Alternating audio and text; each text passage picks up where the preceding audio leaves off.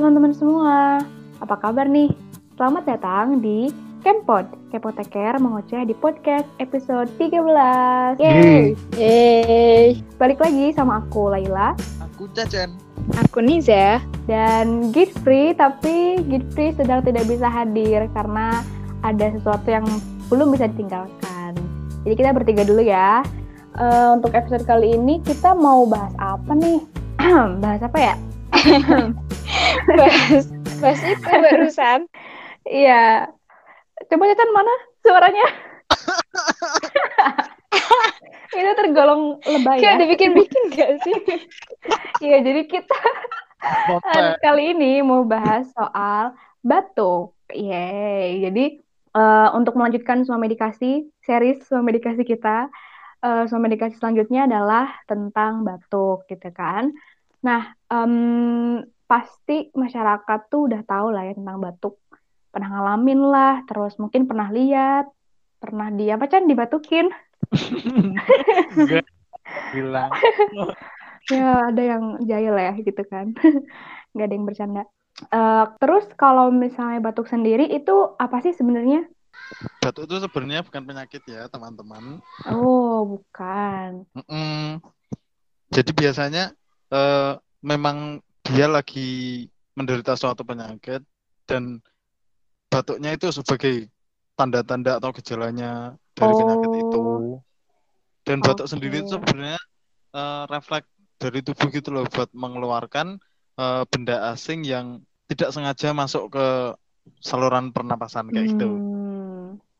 Hmm. Oh, berarti Iya. batuk itu eh, lebih ke kondisi tubuh ya, gejala tubuh, gejala yang Gejala tanda gitu. eh, eh, gejala tanda yang eh, muncul ketika terjadi sesuatu dalam tubuh, entah itu penyakit, entah itu hal lain. Atau tadi yang kata. Cecen, ada zat asing yang tidak sengaja masuk gitu kan ke saluran pernapasan, akhirnya refleks lah untuk dikeluarkan. Terus eh, yang kita tahu nih kan batuk tuh ada yang berdahak ya. Terus ada juga yang cuman batuk kering biasa. Itu gimana sih eh, perbedaannya? Eh jadi kan ada batuk biasanya sebutannya batuk produktif sama non produktif. Jadi yang batuk Oh. produktif itu biasanya dikenal sama masyarakat tuh batuk berdahak.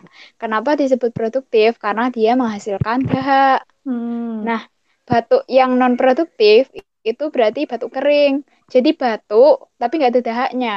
Kayak cuman Oke. gatal-gatal di tenggorokan gitu. Oh gitu. Heeh. Jadi ada dua ya, ada dua jenis batuk ya. Em, dan di masyarakat juga pasti pernah ngalamin tuh. Ini kadang batuknya berdahak, kadang juga enggak gitu kan. Kalau ditanya dokter juga eh, pasti ditanyanya gini, batuknya berdahak atau enggak gitu. Ternyata ada perbedaannya. Oke, terus gejala lain dari batuk apa aja? Tanda-tanda kalau kita batuk. Em, mungkin kalau batuk berdahak tuh tadi ada dahaknya. Mm-mm. Sama sakit-sakit gatal di tenggorokan gitu. Oh, Kalau aku iya. biasanya kayak gatal banget gitu, pengen garuk tapi nggak bisa. Iya bener banget ngerasain greget Betul. banget kan gatalnya tuh di dalam gitu jadi kalau digaruk ya gak bisa akhirnya eh kita batukin istilahnya kayak pengen di- kita keluarin gitu biar batuknya reda terus itu sih kalau dari batuk eh, yang pernah aku alamin tandanya ada apa ya keluar mengeluarkan sesuatu dari saluran pernapasan dengan kuat jadi bisa sampai sakit gitu loh di dada. Karena ya itu pas batuk serasa ada yang pengen dikeluarin entah itu dahak atau apa atau pas keselak itu pas keselak itu juga kan batuk kan. Nah Iya. itu pas pengen dikeluarin tuh eh, apa ya kayak tenaga yang dikeluarin tuh kuat jadi bisa sampai sakit gitu ke dada atau di saluran pernapasan itu oh ya btw kalau eh, keselak itu gimana sih kok bisa batuk Keselak apa nih? apa Keselak ya makanan. keselak makanan atau minuman atau ya kan keselak air putih Hmm. kan bisa aja kan Iya, iya sih tersedak gitu gak sih? Iya, tersedak. Biasanya sakit banget Bahasa gitu. baku. Gimana? Apa namanya? Kan itu kan. Jadi kan kita makan nih, makan, minum, kan masuknya ke kerongkongan. Mm-mm. Lah kalau kita sambil ngobrol atau sambil apa gitu, gitu tuh makanan sama minumannya tuh bisa masuk ke tenggorokan. Jadi salah masuk gitu loh. Mm-mm. Nah, refleks Iya, iya, dari tubuh kita ya kesedak itu kayak Oke. batuk-batuk gitu. Iya, dan itu sensitif banget ya tenggorokan kita. Jadi kayak aku juga sering ngerasain walaupun kayaknya yang salah masuk tuh cuman dikit tapi bisa bener-bener batuk gitu loh. Jadi kayak eh, sensitif aja gitu kalau misalnya sesuatu masuk ke tenggorokan. Ya untungnya sih nggak sampai masuk ke apa ya ke paru-paru ya. Itu juga sebagai mekanisme perlindungan nggak sih biar eh, apa nggak masuk lebih dalam. Akhirnya tenggorokan ada refleks gitu dari tubuh kita buat eh, dikeluarin. Akhirnya batuk lah itu. Oke. Em, terus kalau kita batuk itu pasti ada penyebabnya dong. Kayak kok bisa sih batuk? Itu apa aja kira-kira yang bisa nye- menyebabkan batuk? Kalau yang menyebabkan batuk Mm-mm. itu tuh bisa dipicu oleh beberapa hal. Oh, ada beberapa penyebab gitu ya. Iya, bisa Apa karena aja? virus, Oh, terus alergi atau as- alergi dan asma. hmm, oke. Eh, Infeksi dulu deh kita bahas infeksi. Infeksi kan bisa virus, bisa bakteri ya. ya, Kalau eh, apa infeksinya ke batuk berarti kan ke saluran pernapasan. Itu contohnya mungkin itu TBC, TBC terus pneumonia. Nah, itu mereka dari batuk eh dari bakteri. Kalau dari virus biasanya sering sih kalau dari virus kan eh, apa ya, udara sekitar kita juga tidak sesehat itu. Jadi kalau iya, misalnya imun kita lemah terus eh, kita di luar gitu kan, ada aja kemungkinan untuk masukkan virus sampai akhirnya terinfeksi dan batuk-batuk. Terus apalagi tadi? alergi dan asma. Oh, alergi kayak gimana tuh? Misal, misal ada alergi debu gitu loh. Oh, iya benar-benar benar. Zat asing ya. Terus Iya, kitanya apa ya? Sensitif. Mm, Eh, jadi bisa debu, bisa asap. Oh, iya benar-benar. Oke. Terus mm, Ada asma. iritan juga. Oh iya, irit. Oh, Asma iritan dulu. Oke, asma dulu. Asma dulu ya. Pokoknya kalau seseorang yang asma tuh biasanya sambil batuk-batuk juga ya nggak sih? Karena penyempitan Penyempitan saluran nafasnya ya. Heeh. itu mungkin eh, karena penyempitan itu terus ada zat asing masuk lebih sensitif lagi mungkin jadi akhirnya batuk-batuk terus ada yang iritan Iritan tuh ada nganu loh. Apa namanya? Udara dingin, hmm, hmm, aku pernah terus rokok, oh iya obat iya kuat itu juga bisa. itu juga nggak sih kayak eh apa sih benang sari dari tumbuhan sari. Serbuk sari kok benang sari serbuk sari oke itu ya Itu beberapa beberapa penyebabnya apa kalau serbuk sari setahuku lebih ke alergen gak sih? Oh, alergi ya, bukan iritan ya? Iya, Iya. iya. Oke. Terus, Terus ada eh juga hmm, reflux asam. refleks asam. Gimana tuh? asam lambung itu loh. Kalau naik kan bisa mengiritasi tenggorokan, terus bisa Oh, mengiritasi apa? Pita suara juga loh. oh. Iya, kalau eh, asam lambungnya naik ya, kena tenggorokan, Mm-mm. itu juga bisa ngasih refleks untuk batuk. Oke. Terus nih, pasti kita di masyarakat tuh sering denger gini, eh, batuknya tuh gara-gara minum es. Batuknya tuh gara-gara kebanyakan eh, makan gorengan. Batuknya gara-gara apa ya makan makanan yang manis itu bener nggak sih? Itu Hmm, mitos atau sebenarnya fakta? nggak bener nggak sih? Oh. Apakah kamu tidak yakin?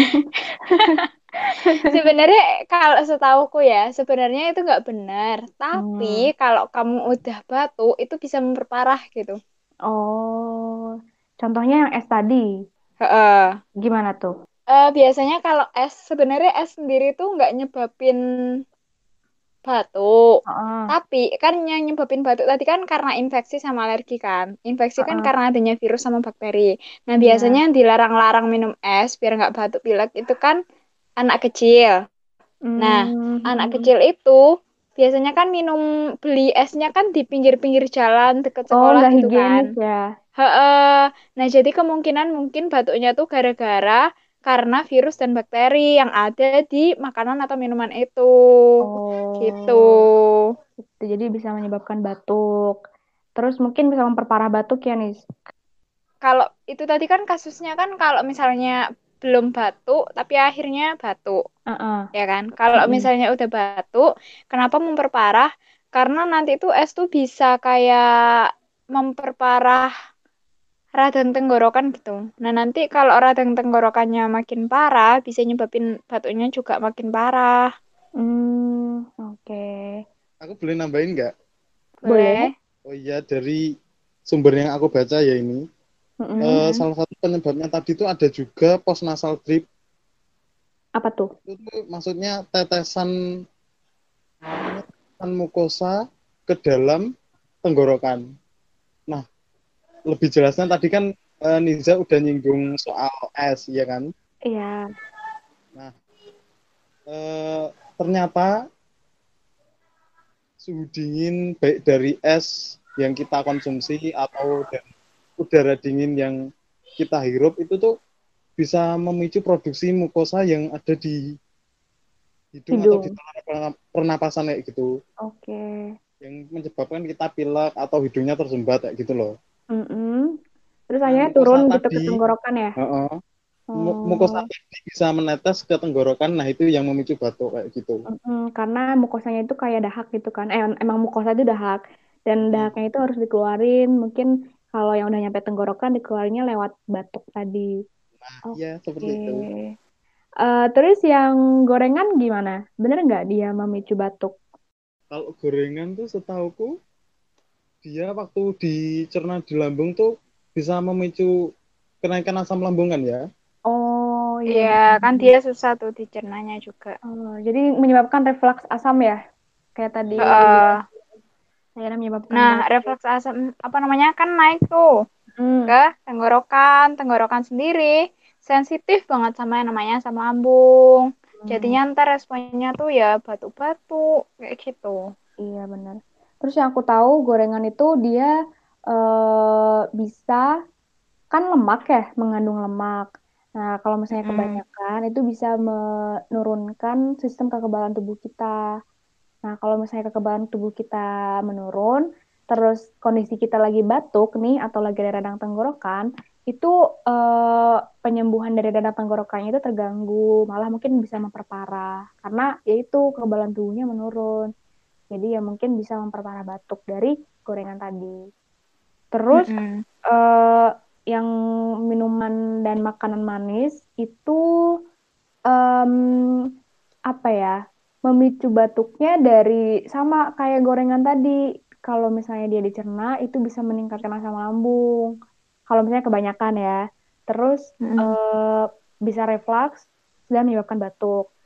Selain itu eh, berhubungan juga sama radang tenggorokan dan sistem imun, tapi ini lewat eh, vitamin C. Jadi kalau misalnya gulanya kebanyakan, itu proteksi tubuh sama vitamin C-nya itu terganggu gitu. Jadi akhirnya eh, kekebalan tubuhnya menurun lagi, menurun juga, dan radang tenggorokannya eh, penyembuhannya terganggu kayak gitu. Jadi eh, ada reasoningnya ya, maksudnya ada alasan kenapa mereka mungkin ada kasus-kasus di mana ma- makanan-makanan itu menyebabkan atau memperparah batuk karena ya itu prosesnya gitu ya. Mm-mm. Oke. Nah, sekarang ke penanganannya. Kalau misalnya udah batuk, apa aja sih cara-cara penanganannya? Paling mudah bisa sering minum air putih. Kalau kalian sendiri wes, kalian sendiri dulu. Kalau Oh iya, kalau batuk gimana? Apa yang kalian lakuin? kalau aku dibiarin. Karena apa ya? Batuknya biasanya gara-gara tadi ada udara dingin, terus eh, kalau Hmm. minum es, terus eh maksudnya pas minum es dan tubuh aku lagi nggak fit gitu kan. Tapi ya itu sekali-sekali doang, nggak nggak panjang. Eh, apa sih? nggak Berarti nggak pernah nggak sampai mengganggu aktivitasmu ya, Lel? ganggu sih, cuman ya itu akunya aja yang nggak nggak ada inisiatif. Oh. Tapi kalau misalnya batuknya udah aku alamin berhari-hari, entah itu dua hari, tiga hari itu aku periksain atau eh, ya minum obat, beli obat dari apotek gitu. Kalau kalian gimana? Cacan pernah nggak sih ke GMC? Berapa hari gitu batuk apa pilek? Kapan salah orang. Memanfaatkan fasilitas ya, Chan. Terus Iya, dikasih apa kalau gitu? Dikasih antitusif Vitamin. oh ya dulu aku. Oh, dikasih vitamin nggak ya? Obat. Iya sama vitamin. Hmm. Memanfaatkan fasilitas yang ada ya. Iya, dari Iya. fasilitas kesehatan UGM ya. Tapi kalau aku nggak terlalu parah gitu, biasanya cuma minum air doang kalau pas Mm, sore-sore. paling kayak gak diapa-apain, cuman minum air putih atau air hangat. Hmm. Kalau Niza? Kalau aku sendiri, iya minum air juga sama. Jadi kalau tiap gatel, tiap ngerasa gatel gitu diminumin air. Tapi kalau aku biasanya juga sama itu, apa namanya, minum madu. Soalnya aku kan Oh. biasanya kalau batuk tuh emang kondisi tubuhku, ngerasa kondisi tubuhku lagi lemes, capek. Nah itu biasanya aku kena batuk. Akhirnya aku minum madu buat ningkatin kekebalan tubuhku. Hmm, oke. Kalau obat-obat gitu, paling kalau sampai mengganggu banget gitu. Mm-mm. Jadi minum obat. Gitu. Oke. Paling sirup-sirup gitu. Sirup-sirup yang ada kayak OBH gitu. Mm-mm. Biasanya aku OBH sih. Aku fix Oh, yang biru itu loh. iya ya. Kita beda Oke. jalur lah. Nah, kalau penanganan yang semestinya tuh kayak gimana? Mungkin dari yang se- Kalau selain obat dulu deh, selain obat dulu kan pasti ada tuh.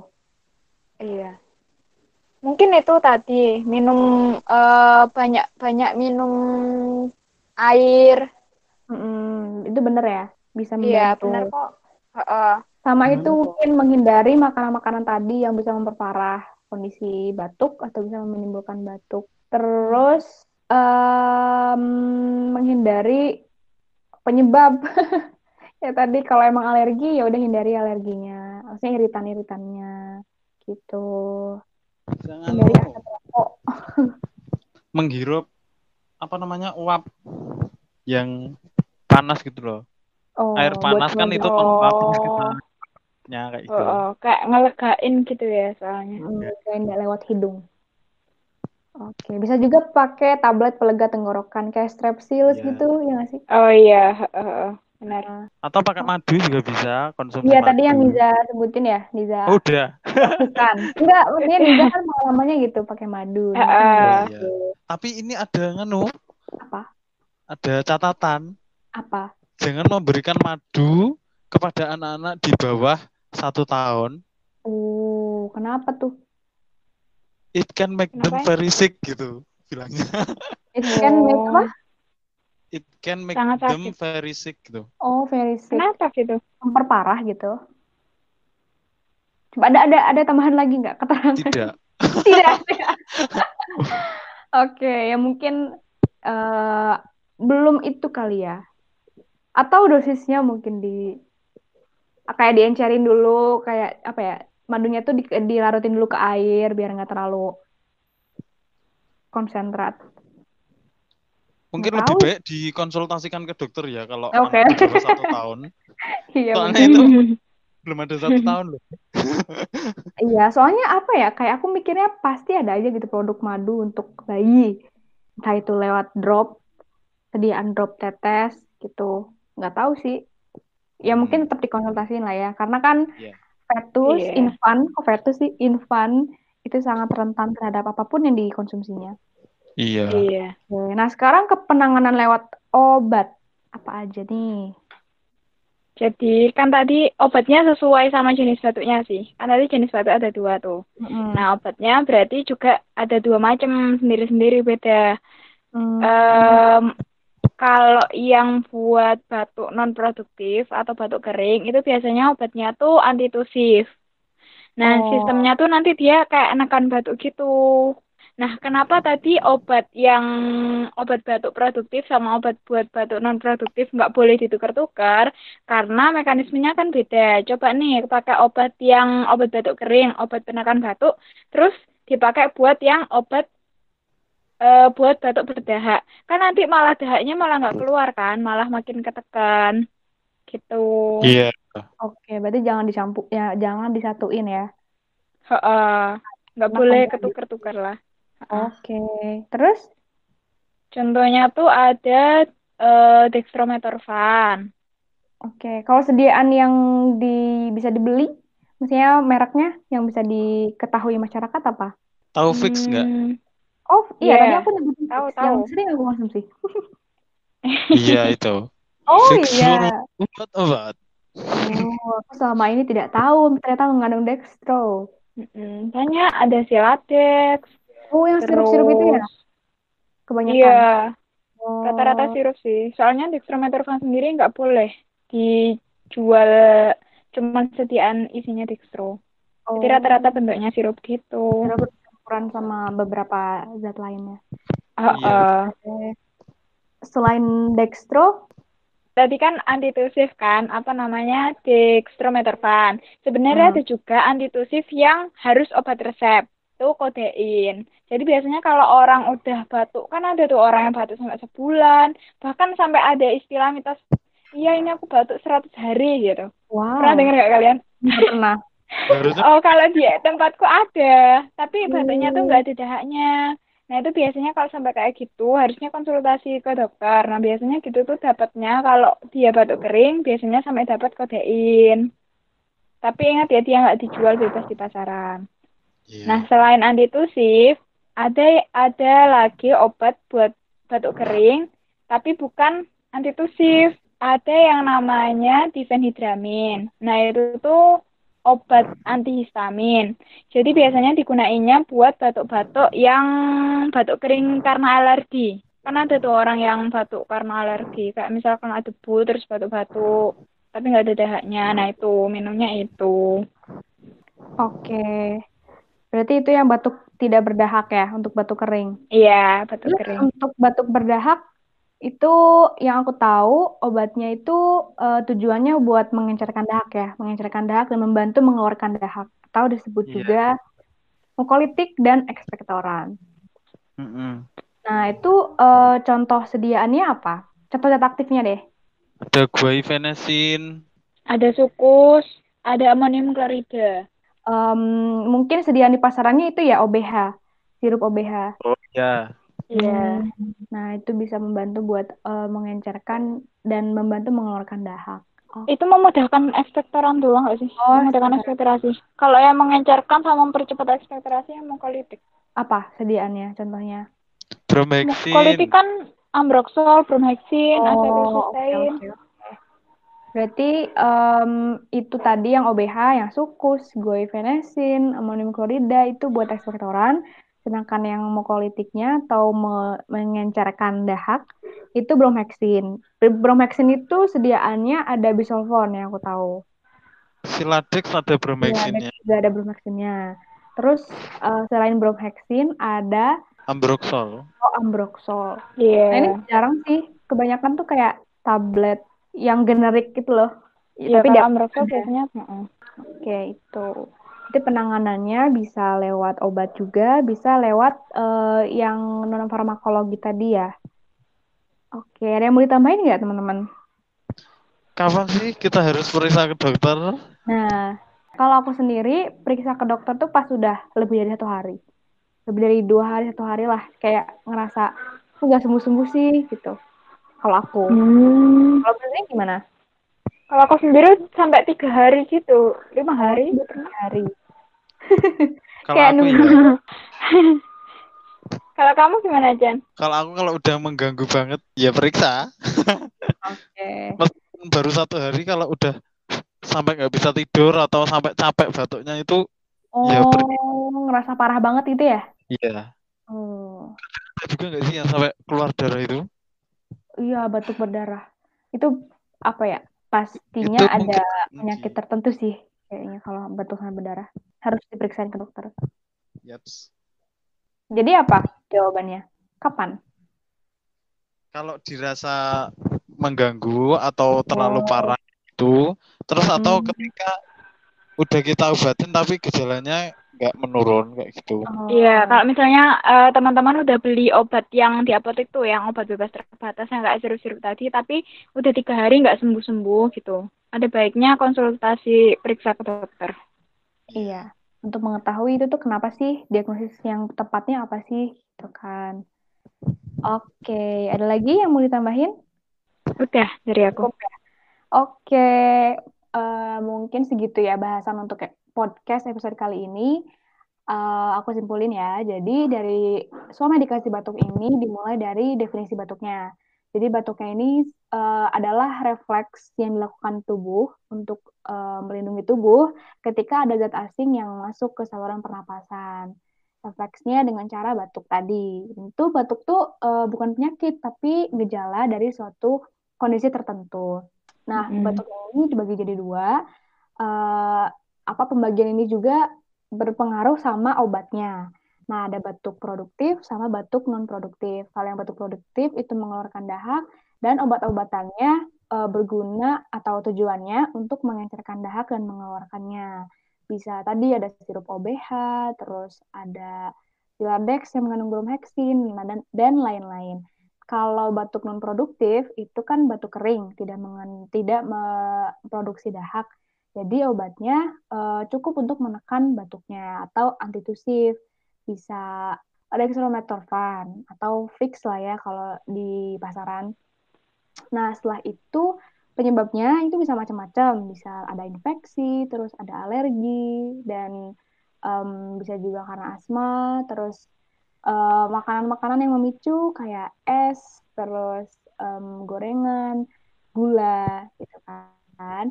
Nah, penanganannya tadi selain obat tadi bisa juga uh, dengan yang non farmakologi kayak um, menghindari makanan yang memicu, terus bisa pakai bisa melegakan tenggorokan dengan menghirup air panas, eh menghirup uap dari air panas, terus um, apa ya bisa juga minum air ya minum air supaya supaya membantu uh, melegakan tenggorokan gitu. Bisa juga minum madu terus dan lain-lain oke mungkin segitu ya teman-teman uh, bahasan mengenai medikasi batuk kali ini.